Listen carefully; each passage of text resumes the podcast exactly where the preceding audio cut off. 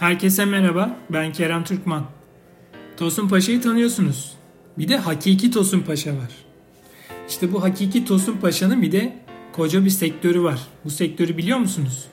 Şimdi size okuyayım, bakalım biliyor musunuz? Bundan 20 yıl önce sabah uyanıyordu. Tıraşını oluyordu. Takım elbisesini giyip kravatına bağlıyordu ve işe gitmek üzere yola çıkıp saat 8'de mesaisine başlıyordu. Akşam 5 gibi yorulmuş olsa da neredeyse her gün gece geç saatlere kadar kalan işlerle ilgilenmeyi kendine iş edinmişti.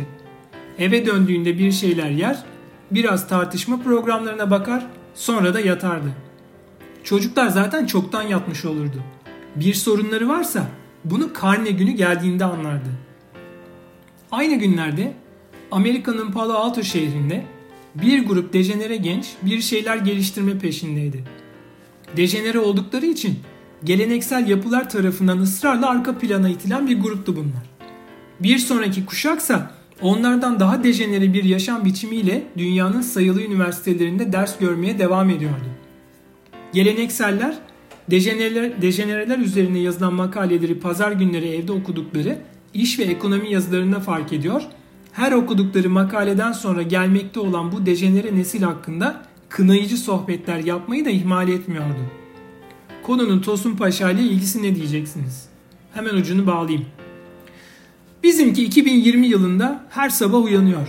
Tıraşını olup takım elbisesini giyip kravatını bağladıktan sonra saat 8'de mesaisinin başında oluyor. Yine geç saatlere kadar iş yapıyor. Kendine dejenere tiplerin yatırımlarından bir Twitter bir de LinkedIn hesabı açtı. Oradan teknolojinin gelecekte hayatımızı nasıl değiştireceğini yabancı hesaplardan indirdiği videolarla anlatıyor. Bu çok kravatlı anlatımların ana fikri hep aynı. Teknoloji gelecek, her şey çok acayip değişecek. Öyle olacağı kesin. Öyle oldu da zaten. Neler neler oldu geçen sürede. Robotlar bizim yerimizi alacak mı konusuna salt takipçi sayısı artsın, videosu çok izlensin diye girdiğini biz de biliyoruz. Nitekim sen 30 yıl önce babandan kalan tuşlu masa telefonunu yeni teknoloji diye kullanıyordun. Bu gitti, yerine dokunmatik ekranlı olanlar geldi. Senin kravat yerinde duruyor ama her şey yenisiyle yer değiştiriyor. Bize sosyal medyada kanırtarak, araklayarak geliştirdiği, çok takipçili hesabından verdiği of var ya her şey çok acayip değişecek gazını dejenereler sayesinde veriyorsun. Teknolojiyi onlar geliştirdi. Patenti onlar aldı. Videoyu onlar çekti, tanıttı. Sosyal medya şirketini kurdu. Senin post atmanı sağladı. Çok takipçin var diye sana bir de mavi tık verdi.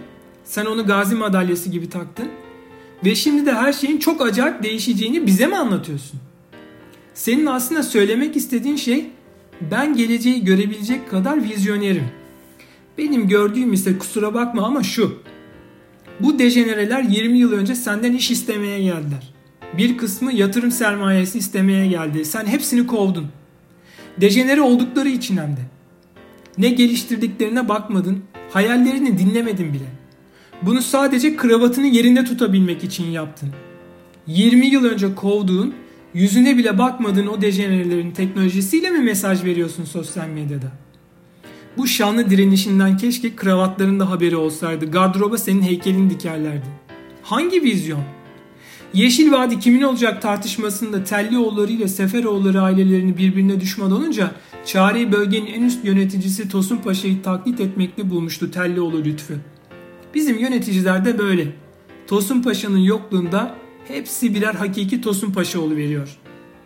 Dejenere diye kapıdan sokmadığı adamın teknolojisini satın alıyor, kullanıyor, onun iyi bir müridi haline geliveriyor. Sonra yine o dejenerenin geliştirdiği teknolojinin nimetlerini sana bana pazarlıyor, daha çok dikkat çekmeye çalışıyor. Hemen hepsi keynote speaker ve TEDx konuşmacısı. Bir sonraki harçlığın ne zaman alacağı konusunda hiçbir fikri olmayan gençlere sahneden şöyle olun, böyle olun, şunu izleyin, bunu takip edin diye nutuk atıp sonra da gençler hadi selfie çekelim. Yani sosyal medyadan havamı atayım diye mahalleye Türkan Şoray gelmiş gibi bir edayla toplanıp fotoğraf çekiliyor. Takipçilerine de bu gençler harika, gelecekten çok ümitliyim diye sanki orada yeni bir devrim inşa edilmiş gibi gazı verip tıklanma ve beğeni alıyor. O genç iki gün sonra İK'nın kapısından geri çevrilecek. Gelecekte ne gelecek ben sana söyleyeyim. Ne yapıp edip yine sen dikileceksin karşımıza. Dünkü dejenereydi, bugünkü cahil. Her neslin bir suçu var, kendi nesli hariç. Bu robotlar şunu da yapıyor diye şehvetle paylaşıyor. Sen daha iyisini yap. Hayır. Etik ve ahlak tarafını konuşalım. Hayır.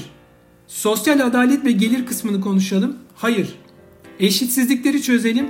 Hayır. Yeni video gelmiş paylaşmak ister misin? Evet. İki günlük dünyada yalandan da olsa şöhret ne güzel geliyor insana. O kravatı boynundan çıkarıp atabilirsin.